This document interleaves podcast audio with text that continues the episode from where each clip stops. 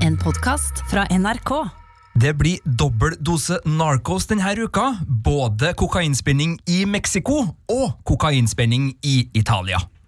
Jeg har sett uh, fantasy-skrekk i Netflix-serien Lock and Key. Og jeg konstaterer at en ny, gammel spillfigur har inntatt kinosalene, nemlig Sonic the Hedgehog.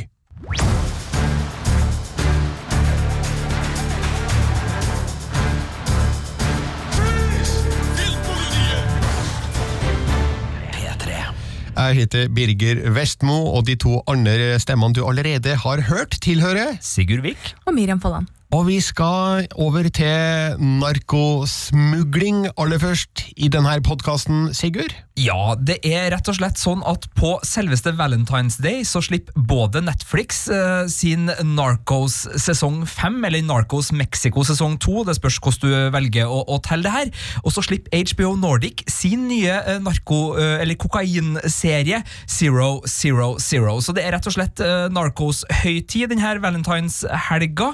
Jeg vet ikke ditt forhold til ko- kokain på Valentine's Day, Birger? Nei, eh, forholdsvis lite forhold til kokain, eh, faktisk ikke-eksisterende, men eh, har jo sett en del filmer og serier opp gjennom åra der hvitt pulver er gjennomgangstematikk. Ja, og Narcos har jo blitt historietimen som veldig mange har kost seg med på Netflix, deriblant oss, og vi kan jo starte da med å se litt på serien Narcos Mexico, som er i da sin andre sesong.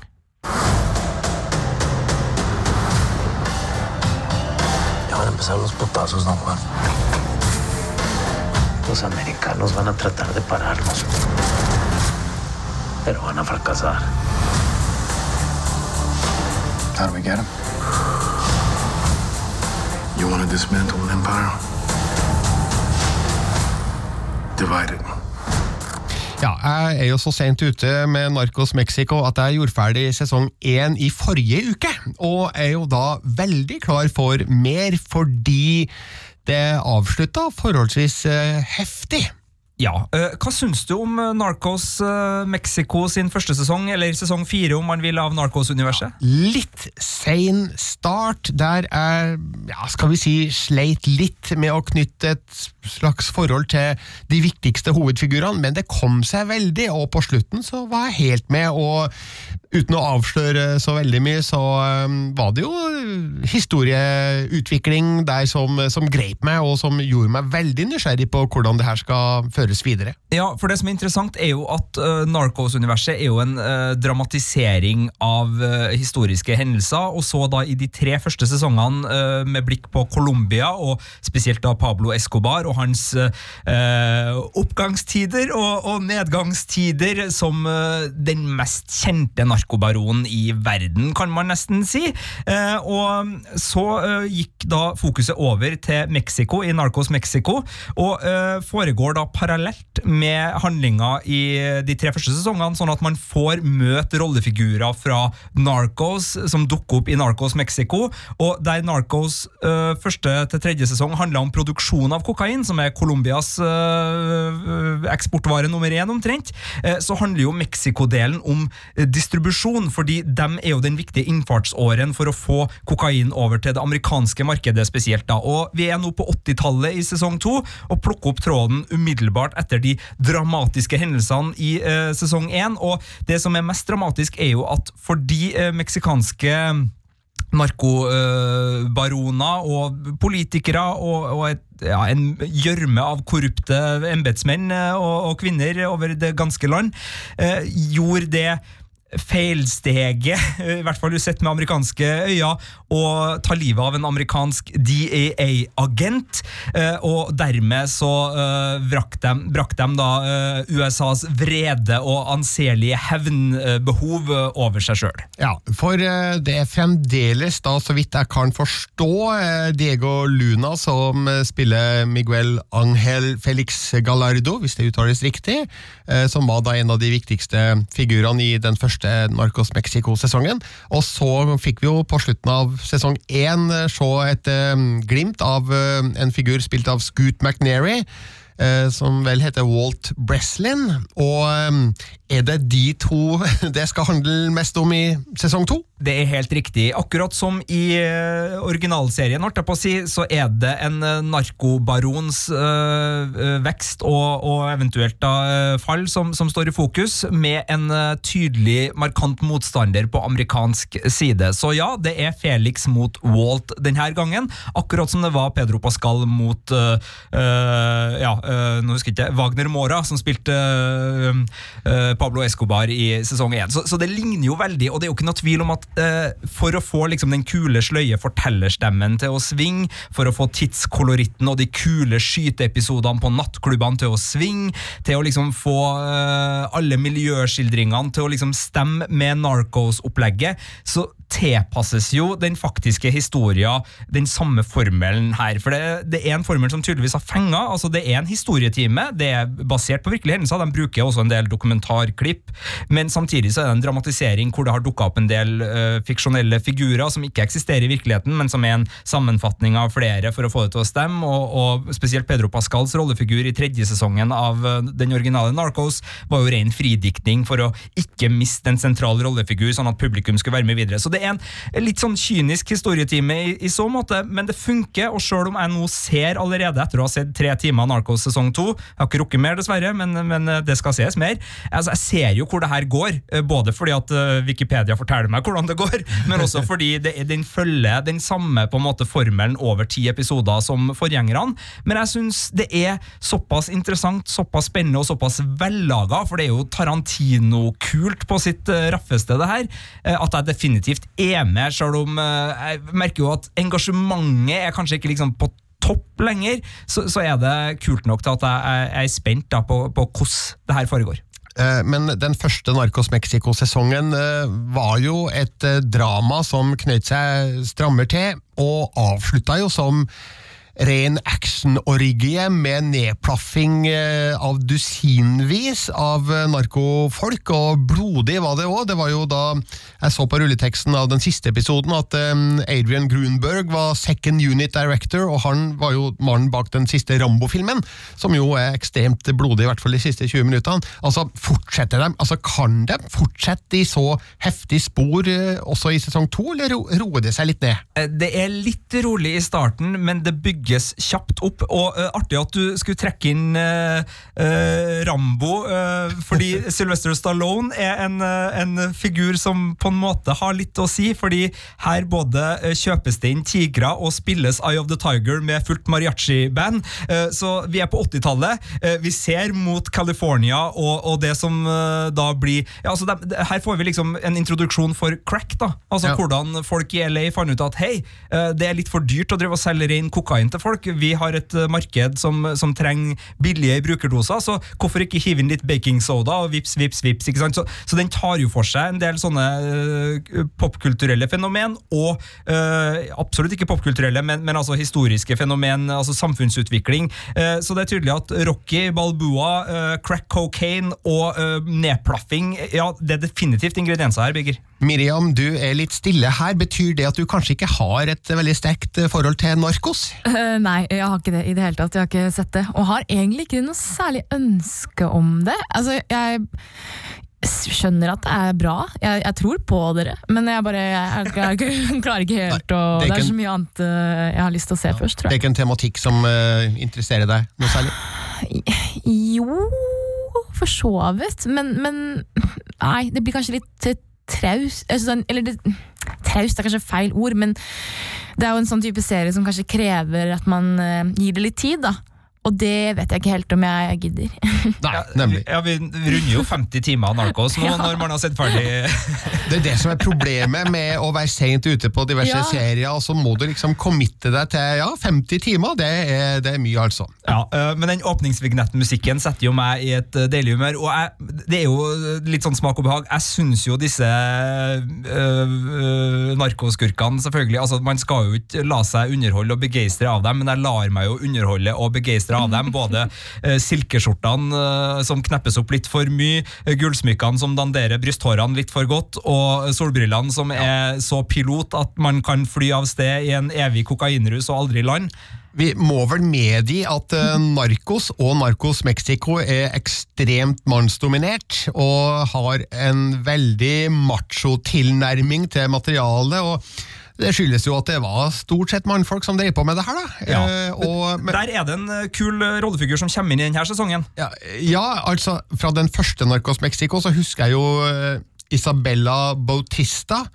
Spilt av Teresa Ruiz. Eh, er det hun du snakker om, eller? Er. Eh, vi skal ikke avsløre, men det, men det kommer inn en, eh, en eh, kvinne som Eller det, det er to kvinner som er definitivt til stede i maktkampen, for det er jo veldig mye regionale kamper innad i Mexico som står for mye av spenninga her. fordi i motsetning til Colombia, hvor du kunne slå deg opp og ta over alt, så er Mexico et land hvor eh, den lovlige sida også er med og styrer den ulovlige sida. Så her er det mye vanskeligere for én person å nå toppen. Her er det liksom uh, ulike høvdingsenter og ulike regioner du må få til å samarbeide, så det gjør jo det hele til en mye mer sånn politisk interessant uh, serie, da. Men uh, 80-tallskoloritten er definitivt uh, til stede.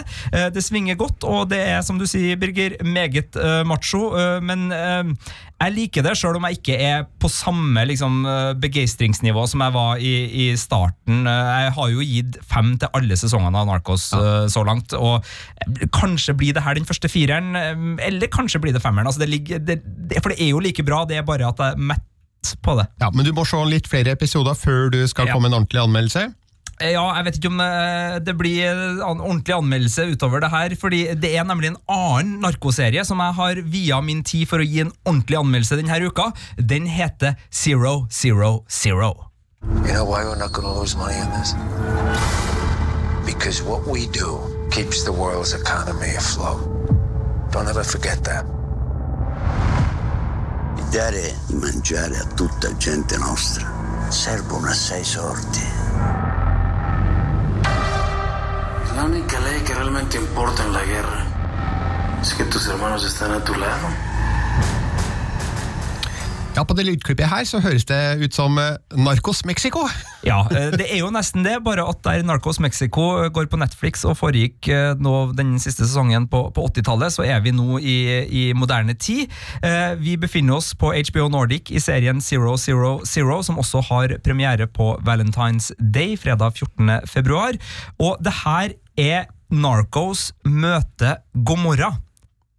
Altså den italienske mafiaserien Gomorra. Ja, Fordi vi skal til Italia. Eh, Vi skal både til Mexico, til USA, til Senegal og til Italia. For det her er en serie som eh, viser oss konsekvensene av Narcos Mexico og Narcos, nemlig at kokainboomen på 80-tallet har gjort at kokain er en egen økonomi i verden i dag. En viktig økonomi og, og en lyssky økonomi som selvfølgelig er veldig blodig og tydelig kriminell i en del miljø, men som hvitvaskes og som føres inn i den såkalt uh, legitime økonomien på en måte som er veldig viktig for at økonomien i verden flyter rundt, men som aldeles ikke tåler dagens lys. Så det er en fascinerende og ganske grundig serie som er laga av folkene bak Gomorra og uh, Suburra-filmen, for dem som husker den. Og det er da St uh, Stefano Solima som er regissør og serieskaper her, sammen med en del gode kollegaer.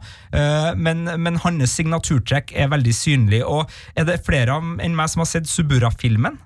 Nei, Den nei. nei. Uh, Sicario 2. Nei, dessverre ikke. Jeg Ja, ja, ikke sant? Ja. Uh, der Dennis Villeneuve laga en veldig god Sicario 1, så var det da Solima som, som laga nummer to, og han har også regissert en del Gomorra-episoder. men han har en veldig egen visuell eh, estetikk, der han drar ned tempo, smeller på postrock og eh, lager sånne stiliserte sekvenser av både vold og, og eh, tankevirksomhet, og, og har en veldig sånn Det er på grensa til harry. Ofte på grensa til harry, men det er liksom akkurat innafor. Og det, det, er et helt sånn nydelig stemningsfullt univers han skaper, eh, som punkteres av noen sånne primitivvoldelige eh, scener som er helt grusomme. Eh, for å lage det her så har han fått med seg stjerner som Gabriel Byrne, som da spiller amerikansk shippingmann, som sørger for at eh, kokain kommer seg fra eh, Mexico til Italia. Eh, vi følger meksikanske kartell, vi følger meksikanske militære, vi følger fabrikkfolk som sitter og lager posene i fabrikkene, fyller dem med kokain. Eh, og så er det da en containerfrakt som er liksom blodåra. Vi, vi, vi ser liksom alt det her utspille seg rundt. da, For i mafia, så, nei, i Italia så er det mafia som venter på det. Og, og den containeren kan både uh, make and break bosses over there.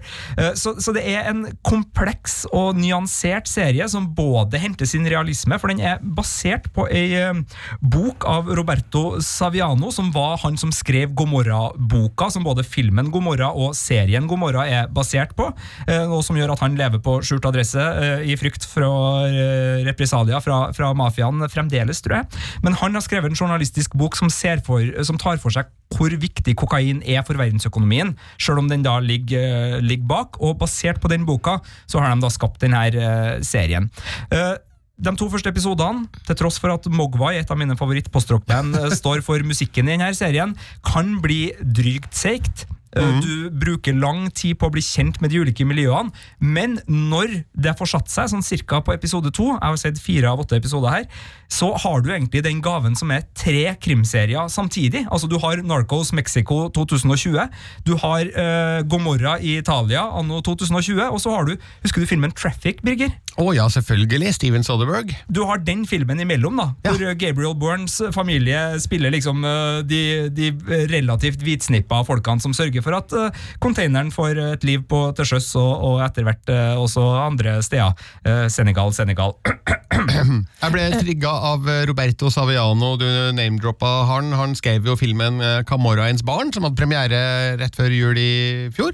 Eh, Så det er jo en mann som åpenbart eh, elsker å skrive om eh, italiensk og internasjonal mafiavirksomhet.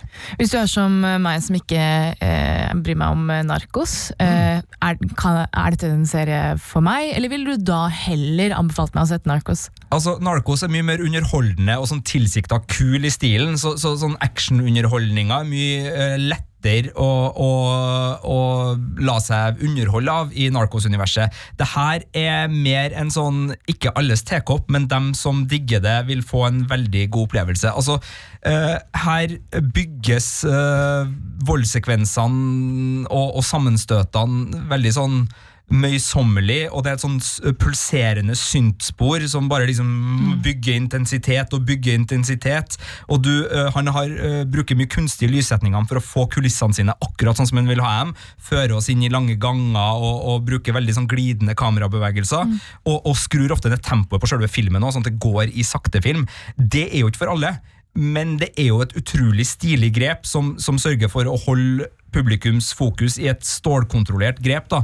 Men, men om du liker det eller ikke, er jo en smakssak. Og, og hvis du har sett da Suburra eller Gomorra-seriene og liker den type eh, det er jo en realisme i volden, og alt, men, men samtidig så er det en veldig sånn stilisert realisme, så det er litt sånn uh, merkelig greie. Men, øh, men ja, nei, vanskelig å, å si om du vil like det bedre eller ikke. Men det som er bedre med Zero Zero Zero enn Narcos, er jo at den er mye mer ambisiøs med tanke på å vise fram uh, hvor mye skyld som henger sammen i hverandre. For USA blir jo helten i Narcos.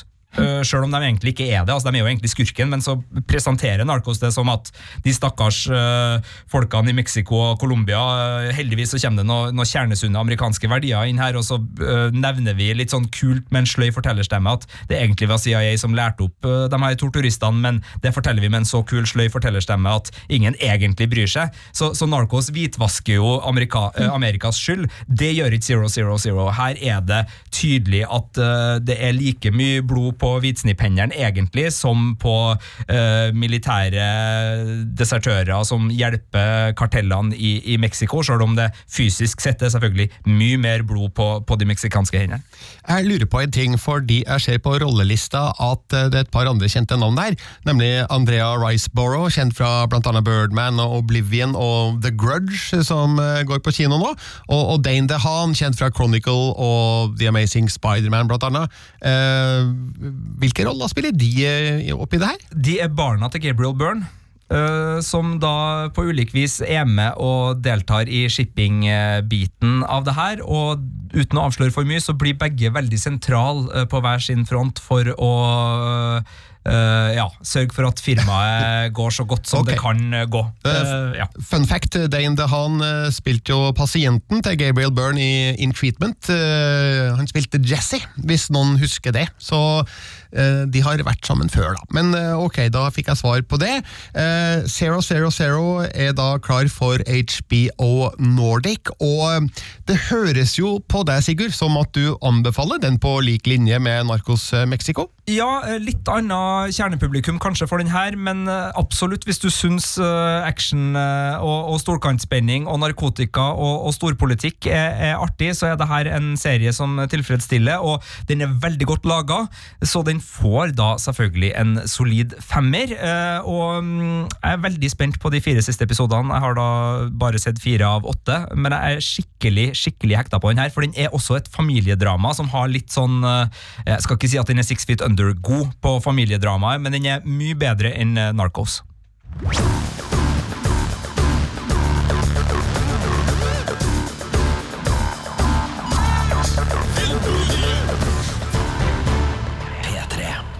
Vi skal holde oss i TV-ruta, for her skjer det ting i fantasy-sjangeren, Miriam.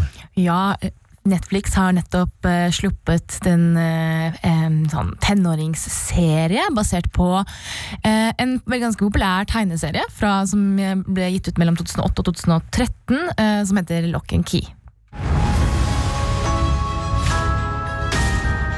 How is any of this possible? This isn't a game. We don't know what these keys unlock.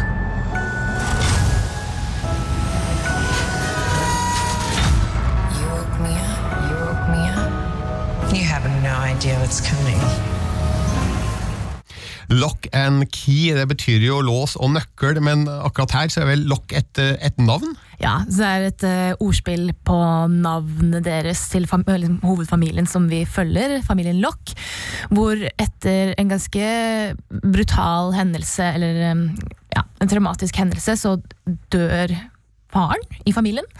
Og moren og da de tre søsknene som uh, er igjen, flytter da til faren sitt uh, barndomshjem som heter Key House, som er på en måte også en sånn spill på navnet deres. da. Eh, som er et sånn fantastisk svært, eh, liksom litt sånn der, skummelt, men herskapelig eh, stort hus. Hvor da etter hvert de barna begynner å finne magiske nøkler som kan gjøre forskjellige ting. Ehm, ja, Så det handler om da familietraume, ehm, og hvordan de barna og moren jobber gjennom det. Samtidig som det handler om barndom, og om da liksom det overnaturlige elementet òg, da. Vet du, Bare ut ifra det du sa der nå, så fikk jeg veldig lyst til å se Lock and Key. Ja, men jeg, jeg syns du bør det, fordi det er egentlig veldig fint. Jeg leste jo tegneserien for lenge siden og elsket den. Jeg synes Det er en helt fantastisk historie, og det er så mye magisk og sånn under og liksom spennende. Um, men hvor tegneserien har en ganske sånn mørk tone og er ganske grotesk og, og, og har mye, mange tunge temaer, da, som drap og og, og alkoholisme og PTSD, så gjør serien det også til en viss grad, men den er mye mildere, da. Fordi den er, jeg tror den er altså, Det virker som at de har tenkt at den skal treffe et yngre publikum. Så da er den mildere, den er varmere, men den har den samme type Den har fokusert liksom på å kapre den magiske delen, da. Med det fortryllende og det spennende med å, hva, hva skjer med disse nøklene, og er det egentlig litt farlig å bruke de, og, og litt sånn, da. Eh, blir, altså, eh, er det verdt det offeret serien gjør? Altså, blir den bedre på det barnlige og det koselige enn det tegneserien var, eller har den egentlig bare tapt i eh, å, å gjøre den eh, eh, PG-13? Uh, den får jo en mye videre appell, som er bra. Da når den jo veldig mange. Den har også mye hyggeligere og mildere eh, rollefigurer. Um, som er mye mer sånn mm, edgy, kanskje, i tegneserien. Som gjør at den vil ja, nå et videre publikum. Da. Så det er jo egentlig veldig bra. Og så er det jo noe med det at eh, den tegneserien er jo så voldelig og så grafisk. Noe den kan være fordi det er en tegneserie. Mens en, hvis du skulle gjort det på film, så blir det plutselig mm, mm, bare automatisk mye, mye verre, da. Ehm, jeg syns kanskje for min del jeg skulle ønske at den holdt litt, var litt edgy og var litt sånn voldelig og, og, og mørk og mer sånn nifs og skummel. Eh, men da er det mer fordi at jeg er sånn selvopptatt da, og vil at dette er min serie. Men, men mye av problemet mitt med Lock and Key har vært at sånn, jeg har prøvd å snakke med folk om det, og så er det ingen som har lest den. Så nå kanskje den får et videre publikum, så det er jo bare egentlig veldig fint. Og den, uh, ja, den er litt mild, men, men jeg syns den er fin. Hvordan syns du historien takler sårheten rundt eh, farens død, og hvordan de skal liksom komme seg videre etter det? Er det en særlig viktig del av, av serien? Ja, men de klarer seg egentlig ganske bra. Det er litt sånn overraskende. Fordi Det kan ha noe med mine forventninger fra å ha lest tegneserien også, men eh, når du møter familien første gang, så er det egentlig en sånn, ganske sånn lystig tone. Og moren er bare sånn mm, Og så er det sånn Men hvorfor er ikke dere vrak, liksom? Eh, så det syns jeg er litt Det syns jeg var litt rart. Og ehm, ja, de klarer seg liksom egentlig ganske bra, litt, men, men de er jo litt rebelske. Sånn, ungdommene er litt rebelske. ehm, så sliter definitivt med det, da. Eh, Jeg vet jo at jeg ikke skal si det navnet her, men Harry Potter har jo Voldemort, og eh, Sauron herjer i, i Ringenes herre-universet. Altså, er Hvordan er fiendebildet her? Er det liksom én stor fiende, eller er det små oppdrag, og så vet ikke man helt eh, hva som er det skumle? Nei, det er hovedsakelig da én fiende. Jeg tror vi hørte henne litt i klippet. Hun er en da, dette skjer i første episode, da, men det er en dame som kommer ut av en sånn hva heter det, brønn i hagen deres. Og hun prøver å få tak i nøklene da, for seg selv. Eh, og hun er ond, da. Eh, så hun er liksom hovedfienden. Og så er det liksom kommer det litt fra forskjellige hold, og så vet vi ikke er det noe med disse nøklene som er farlige også. Eh, hvorfor har ikke faren fortalt om det her før? Eh, hvorfor Ja, så det, det er liksom flere Og, og hvem, sånn, det var jo noen som drepte faren. Ja. Det også kan komme tilbake. kan. Det Altså, kommer tilbake. eh, Godt gammelt politiarbeid vil jo tilsi at hvis eh, det eh, kryper en dame opp av en brønn i hagen, og faren akkurat har dødd, så sett to og to sammen. Vi arresterer den kvinnen!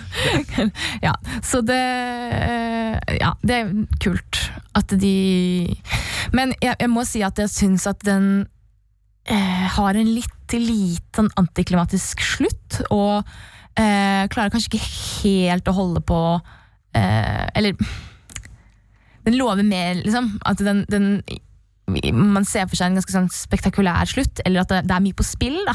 men så er det liksom ikke så mye på spill, og så plutselig så bare Ja. Nei, jeg, syns den var litt, litt, litt mild, liksom, og litt tam. Er det sesong to-problematikk med at de legger opp til at det skal komme mer, og at derfor ikke så tar de, de tar ikke ut alt i, i sesongfinalen? Nei, jeg lurer litt på det, fordi tegneserien var veldig sånn Den var ferdig da, og da var liksom den slutten ganske sånn eh, hardtslående. Så jeg lurer på om det er noe der, altså. Ja. Eh, hovedrollene spilles av for meg forholdsvis ukjente navn. altså Darby Stansfield, eh, serie på Internett Movie Database, har spilt i TV-seriene Scandal og, og Mad Men.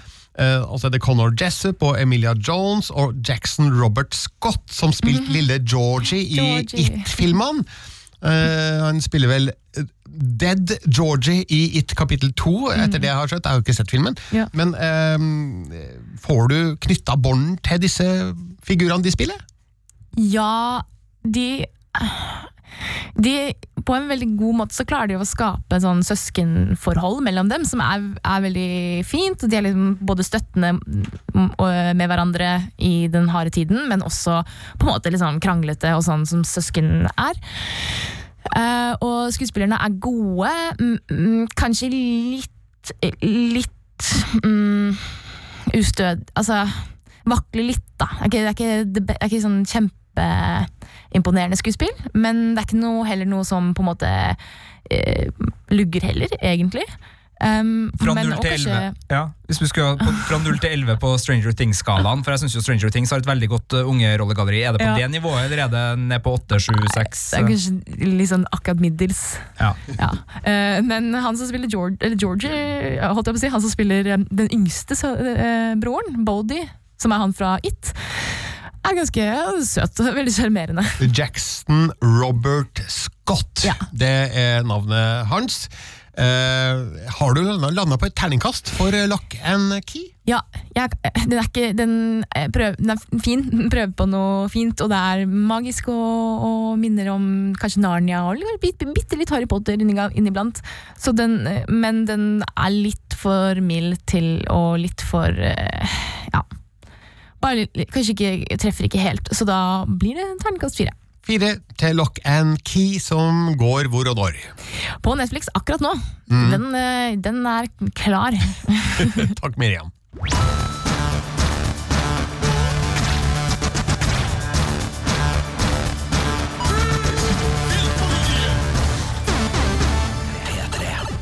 På tide å komme seg til kino Lerette, for der kan man eh, fra og med denne fredagen oppleve Sonic the Hedgehog, som jo er en legendarisk eh, spillfigur. Først sett på um, Sega-konsollen i 1991, og deretter har det vel kommet et femtitalls ulike spill til ulike konsoller, og det er vel enda et eh, Sonic-spill under utvikling akkurat nå. Og dette er jo en blå pinnsvinaktig figur som kan springe veldig, veldig fort, har røde sko og samler på gullringer. Hånda i været, hvor mange har, eller kanskje dere må si det da verbalt, eh, har dere spilt Sonic? ja, Nei. masse. Aldri, Sigurd? Oi. Kanskje sånn uh, hos en kompis uh, når jeg var liten, men altså, jeg har aldri hatt noe, noe dedikert forhold til, til Sonic. Uh, sa du at det var Sega? Ja, Sega Genesis heter vel konsollen. hadde aldri verken noe Mega Drive eller noe som helst. Uh, var- Xbox? Jeg Nei, jeg tror Sonic fins på alle konsoller nå, så det er ikke noe unnskyldning, det. altså. Nei, men jeg brukte noe den. Nei da. Nei, jeg ikke spilt. Men i hvert fall, eh, alle som husker Sonic the Hedgehog med glede fra dataspill, kan nå eh, ganske trygt eh, komme seg på kino for å se han der. Why are you hiding out in my garage? They're coming for me! If they steal my power, they could conquer the universe. You have to help me. No, I don't. Please, it's life or death. Good morning, my rural chum. Mr. Dr. Robotnik. I'm going to give you five seconds to tell me where it is. Wait! Don't hurt him! Det var mye oppstyr rundt Sonic the Hedgehog eh, sånn cirka rundt mai i fjor, for da kom det en teaser-trailer der eh, Sonic-figuren var stygg. Altså, eh, det ble sagt at han ligna et utstoppa dyr, og eh, lå langt unna det utseendet man huska fra dataspillene. Og det kan jo være nok til å senke hvilken som helst film. Tenk bare på Cats, ikke sant? Eh, men eh, nå eh, tok filmskaperne heldigvis kritikken til brystet. De eh, lovte bot og bedring i, eh, i fjor, og eh, sa at eh, effektene skulle oppgraderes, Sonic-figuren skulle redesignes. Og det har de virkelig gjort, for nå ser Sonic veldig bra ut på film, syns jeg. Akkurat slik jeg husker han, i hvert fall fra dataspill. Bare oppgradert selvfølgelig da, til, full 4K-oppløsning, da, med blå, glinsende pels og selvlysende pigger som eh, ja, gjør et visst eh, inntrykk da i mørke scener i denne filmen. For det betyr at det her er da en kinofilm som har noe for seg på kino. Altså ikke nødvendigvis en film som man bare kan vente til kommer på den lille skjermen og får et like stort utbytte av der. Eh, jeg vil vel si at eh, ja, en- enhver film tar seg jo best ut på kino, Sigurd Vik. Men eh, nå er nok Sonic the Hedgehog av et visst format og en viss kvalitet som tilsier at ja, det går an å vente til du kan se den på TV-skjermen. altså, Det gjør det. Men har du et nært, varmt forhold til Sonic-figuren og har behov for litt eh, morsom, effektfull, ufarlig familieunderholdning, så kan man godt gå på kino og se Sonic eh, the Hedgehog, for den gjør jo mye av det samme som Pokémon Detective Pikachu gjorde i, i fjor. Den bringer da denne eh, digitale spillfiguren inn i eh, den virkelige verden, der han samhandler med menneskefigurer. Her spilt av James Marston som sheriffen Tom Wachowski. Og Jim Carrey i rollen som Dr. Ivo Robotnik, som også går under navnet Eggman. Og alle som har spilt eh, Sonic-spill, vet at Eggman er Sonics hovedfiende. Um, Det betyr at Jim Carrey er tilbake i ansiktsgymnastikk-Jim Carrey-format, eller? Definitivt. Altså. Jim Carrey har sjelden vært så mye Jim Carrey som han er i Sonic the Hedgehog, og jeg kan jo forstå de som mener at dette er overdrevent eh, fakteri av eh, Jim Carrey, men jeg tenker at akkurat denne rollen kunne nesten ikke ha vært løst på noen annen måte, fordi det er jo en tullerolle i en tullefilm, og det er ikke historien for de subtile skuespillergrep, så her er det rett og slett bare å slippe Carrie løs og gjøre det han kan best, og det er ansiktsgymnastikk, og det er kroppsvridning på ulike plan, så han gjør en eh, morsom rolle, syns jeg, da, som eh, Dr. Robotnik i Sonic the Hedgehog. Hvordan er eh, personligheten til Sonic? Han, eh, jeg, jeg husker han som veldig sånn snerten og kul. Er, er, det, er han sånn nå? Ja, han er snerten og kul, men også litt søt, og mye av hemmeligheten her er jo stemmen, som tilhører Ben Swartz. Eh, mest kjent eh, som eh, John Rolfio i Parks and Recreation-serien, og en mann som ofte er å se i morsomme roller, og han tilfører jo Sonic-figuren et humoristisk tilsnitt i denne filmen. Bryter han ofte ut i sang! Og nå må jeg tenke, du, jeg skal ikke Jeg husker ikke akkurat nå, men det Kanskje ikke nødvendig med John Ralfio i uh, Sonic-karakteren. Uh, ja. Men han er utstyrt med mange morsomme one-liners, selvfølgelig, da. Og klart, eh, det her er ikke like morsomt som eh, Ryan Reynolds eh, gjorde med Pikachu, for Reynolds har en mye skarpere tone i den filmen enn det Ben Swartz har i den her. Det er åpenbart at regissør Jeff Fowler prøve å tilnærme seg et ganske ungt publikum her, så det er forholdsvis mildt det som blir presentert av humor. Og det er ikke mye eh, subtekst eh, her. Det er ikke mye for voksne å fange opp som ungene ikke forstår. Det handler jo om vennskap og samhold og tilhørighet, og det å oppdage hva som eh, egentlig er det viktigste her i livet. Så, sånn sett så er det den samme vanlige tralten. Men der filmen lykkes veldig godt, det er jo i de scenene der Sonic springer, spring fort, for det er jo hans øh, største kraft. Det er da å kunne bevege seg i superraskt tempo, og det resulterer i en del veldig morsomme scener her. og øh, har et høydepunkt, og det er et bar slags mål, der vi ser Sonic bevege seg rundt i øh, hans realtid, mens alle andre står jo da helt stille. Det er Ja, det, det ja. Ja, det minner meg om, i, Har du sett X, i X-Men 2? Ja. Eh, Det er akkurat den scenen med han eh, har- Husker du det? han som løper Jim skikkelig fort Crows der. eh, spilles eh, Time in a Bottle-låta, og så er det ja, Og så driver han bare sånn plopp. Plukke kulene. Ja, ja. Det, det er det samme Sonic gjør da i Å, den scenen her, og går rundt og endrer på ting Ja. som da får et uh, vanvittig utslag da, når uh, vi fanger opp uh, resten av persongalleriets realtid. Så her er det en underholdning å hente, altså. Jeg skal medgi at Sonic the Hedgehog det, den, den vil aldri vinne noen Oscar-priser eller noe annet, og det er ganske sånn guilty pleasure-aktig underholdning, men jeg lot meg underholde og more, og syntes at det var søtt og sjarmerende nok da til å rettferdiggjøre sin eksistens på kino. Og det høres ut som en double bacon cheese og ei bøtte popkorn eh, for Sigurd Vik der. Ja, ok. Terningkast fire, Sigurd. Ja, ja, det, jeg har spist eh, det mer enn verre. Det er innafor. Ja, men det høres bra ut. Da kan jeg anbefale Sonic the Hedgehog, spesielt hvis eh, du da har et varmt hjerte for de gamle dataspillene, eller om du har noen søsken eller unger sjøl som eh, har det nå.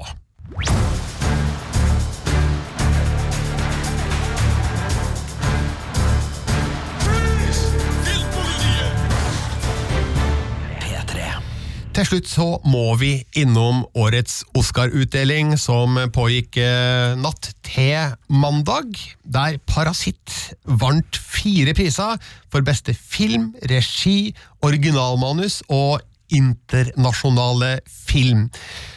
Sigurd og Miriam, dere satt opp hele natta og fulgte utdelinga, og eh, det var vel litt overraskende at eh, Parasitt skulle slå så kraftig ut på Oscar-skalaen? Da den vant for beste regi, var det som første gang sånn, Oi, wow, å, gøy! Og så, og så da den vant eh, beste film, så var det jo det var en veldig hyggelig overraskelse. Jeg skal jo innrømme at mitt hjerte har jo banka aller varmest for Once Upon a Time in Hollywood og Quentin Tarantino, og håpa jo i det lengste at Oscar-akademiet skulle stemme på den filmen, da. Det handler jo om det gamle Hollywood, come on! Men eh, ok, det ble et par andre priser på den filmen, men eh, jeg lever jo også godt med at, eh, da, at det da ble Parasitt som vant for beste film og regi.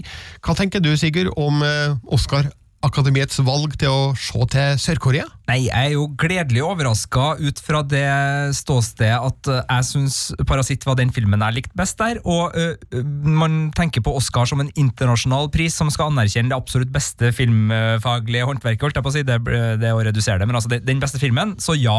Men det er klart, eh, det er jo mange som har reagert, og, og det kan jeg jo skjønne. altså eh, det er jo en amerikansk filmpris, som vi har snakka om her, og, og det her er jo et steg, et, et mye større steg enn The Artist var i, i 2011, da den vant beste Oscar. Så er det et steg bort fra kanskje noe av det som har vært en, en eh, veldig sånn eh, Hollywood-nær historie for eh, Oscar. da. Det er jo ikke en Hollywood-film, Parasitt, i, i den eh, klassiske forstand, så, så det er jo et steg eh, bort. Men nei, jeg, jeg kan ikke være noe annet enn begeistra for at uh, filmen uh, vant, og at den eh, eh, da sørga for at vi slapp at 1917 vant. Det er jo kanskje det jeg er mest glad for. eh, og det ville ha vært skuffende for både Tarantino-fans og Parasitt-fans om den litt trygge, trauste eh, krigsfilmen skulle, skulle stikke av med, med seieren. Så i så måte, to tomler opp. Det er jo en amerikansk pris, eller eh, seremoni, men, men det er bare fordi at veldig mye film eh, Altså, Hollywood er i USA.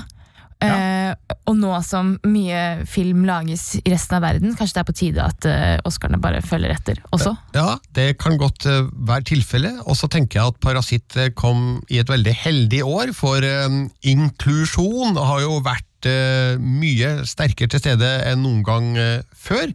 Og da kan det jo tenkes at Oscar-akademiets medlemmer har tenkt litt bredere enn de vanligvis gjør, da. Samt at filmen er ålreit, da.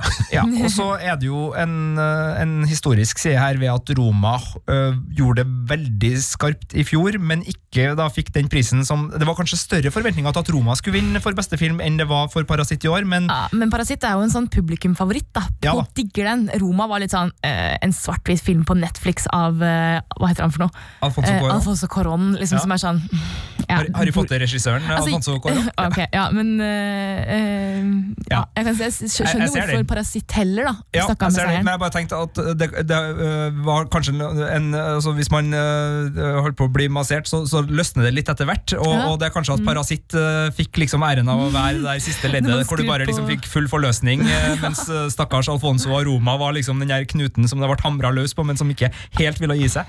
Dårlig bilde, beklager det. Uh, unnskyld til Roma for uh, massasjemetaforen. Og så er det vel eh, stor enighet om at eh, skuespillerprisene ble delt ut til de riktige folka. Altså Joaquin Phoenix for Joker, René Selveger for Judy, også i birollekategorien Brad Pitt for Once Upon a Time in Hollywood, og Laura Dern for Marriage eh, Story.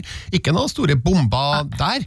Men hva syns du om animated feature-film til Toy. Story 4, Miriam? Vi snakka jo litt om det i forrige podkast. Ja, det er kanskje ikke noe hemmelighet at uh, jeg håpet på noe annet, et annet utfall.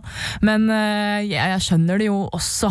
Jeg syns jo Toy Story Nå har jeg sett den, og syns den er kjempefin. Uh, men jeg ble jo skuffa for at ikke enten Klaus eller Missing Link eller Så der gikk de faktisk litt mer tradisjonelt til verks, da. Der. Ja, veldig. Ellers så eh, er det jo da um, Oscar-priser til Roger Deakins for um, filminga av 1917, til Little Women for kostymedesignet.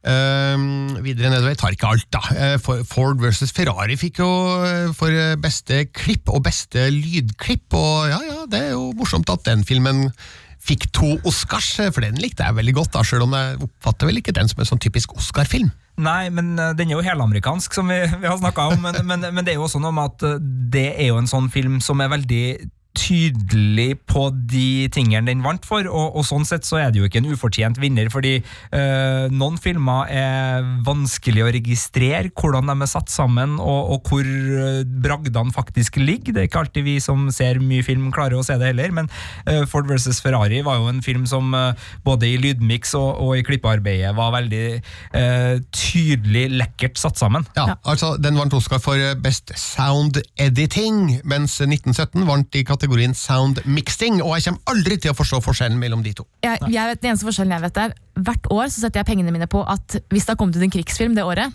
så er det sound mixing. Så hvert, altså sånn, Nesten konsekvent hvert år. Jeg tuller ikke. Det er, eh, ja. Men, men eh, altså Ford versus Ferrari da eh, i Sound Editing vant foran Joker 1917, Once Upon a Time in Hollywood og Star Wars The Rise of Skywalker. Og eh, vel det er veldig mye tøff billyd i Ford versus Ferrari, ikke noe tvil om eh, det. Eh, Men hvis, det hadde funn, eh, hvis- prisen for sound editing skal gå til den filmen med mest lyd, så måtte det jo ha vært Star Wars, da, The Rights of Skywalker. Men jeg er spent på, på musikken, fordi der hadde jo du John Williams som en utfordrer til å, å få for beste filmmusikk. Den gikk til Joker. Hva, hva tenker du om den Oscar? Det var vel en av kveldens mest gledelige Oscar-priser, tenker jeg. Fordi musikken i Joker er helt fabelaktig. Den understreker jo galskapen i hovedfiguren på en veldig effektiv måte. Uh, og det skader jo heller ikke at komponisten heter Hildur Gudnadottir, eh, islandsk og um, ikke minst kvinne. Og det er jo første gang, så vidt jeg husker, at en kvinne har fått det. Ah, Siden sånn 70-tallet eller noe, er det. Ja, jeg tror det er tredje eller fem, femte gangen. tror jeg. Første, første gangen på lenge. Det var Første gangen på lenge, ja. Første Ja, gangen ja, på ja, lenge. beklager avbrytelsen. ja, eh, du redda meg inn der. Takk. Eh, så det var jo veldig morsomt. Eh, Det at jeg følte John Williams kunne være en god utfordrer, er jo fordi at han er John Williams, men det er jo kanskje ikke derfor man skal gi ut Oscar-priser, eller på det grunnlaget. Nei. Og for å hedre John Williams, da, så kan vi vel si at sønnen hans spiller i Toto. Gjør ikke det? Ikke fun facten vi deler ut sånn sent på podkasten, Toto? Birger? Ja, Joseph Williams eh, eh, Africa Toto? Et, nei, ja, han sang ikke på den. Han, han sang senere i Totos eh, karriere, eh, fra 1988 av. Og så har han vært litt av og på, men nå er det han som er vokalist igjen da når de er ute på turné. og sånn. Så Ja. Du, Filmpolitiets podkast, altså du kommer for serie- og filmanmeldelsene, men du blir for uh, Toto-triviaen til Birger Vestmo. ja, nemlig. Takk for den muligheten, Sigurd. Men vi må i hvert fall si oss fornøyde stort sett med årets Oscar-prisutdeling. Eh, jeg er ganske fornøyd med Taika Waititi som vant for beste adapterte manus. Ja, jeg det har- liksom fint. Jeg har jo ikke lest den boka som filmen er adaptert fra, men har lest kommentarer på nett som, som påstår at den boka er egentlig unfilmable. Uten at jeg vet hva som ligger i det.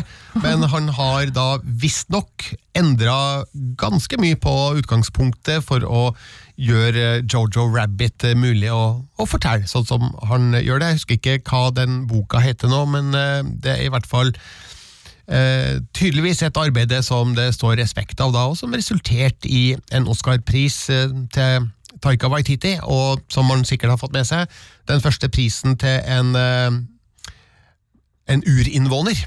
Så det er jo også noe å ta med seg. Du kan lese mer om eh, årets Oscar-utdeling på våre nettsider p3.no filmpolitiet. Med det tenker jeg at vi setter en sluttstrek for dagens podkast. Det syns jeg. Vi skal bare nevne at uh, dronningens corgi har fått terningkast én, og den anmeldelsen kan du lese uh, på Filmpolitiets nettsider. Det er Miriam som har vært ute med årets første terningkast én, og i og med at vi sier årets første terningkast seks, så syns jeg det var på sin plass at vi også uh, holdt på å si roser uh, bunnoteringa. ja. Da sier vi takk og farvel med å oppfordre alle om å finne flere podkaster i appen NRK Radio. Du finner også Filmpolitiet på Twitter og på Instagram. Finn oss der. Hei, dette er Anne Lindmo. Jeg er så heldig å ha to gode kollegaer som er med meg og lager Fredags-TV, men som også er med i podkasten vår. Halvor Hei. og Rune. Hei, podkasten heter Lindmo og co. Der tar vi opp ting som det ikke går an å snakke om andre steder. Som at det går gærent når Anne skal Nei, ta ikke det. Eller den gangen du skulle ut på det der. Nei, nei, nei. Vi tar det i podden. Du kan laste ned Lindmo og co. og andre podkaster i appen NRK Radio. Vi høres.